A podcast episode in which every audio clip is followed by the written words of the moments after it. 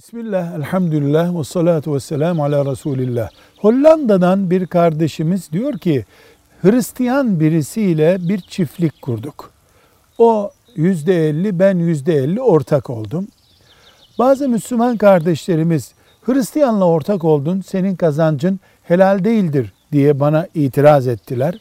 Ben ne yapayım diye soruyor. Diyoruz ki, siz dininiz açısından, ahlakınız açısından ortağınızın etkisinde kalmıyorsanız bir, iki, domuz beslemiyorsanız, üç, orada Müslümanlara besmelesiz kesilmiş et satmıyorsanız, Hristiyan diye, Yahudi diye bir insanla ortaklık yapmanızın dinen bir sakıncası yoktur.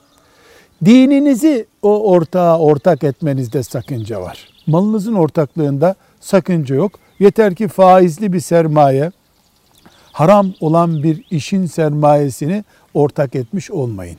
Velhamdülillahi Rabbil Alemin.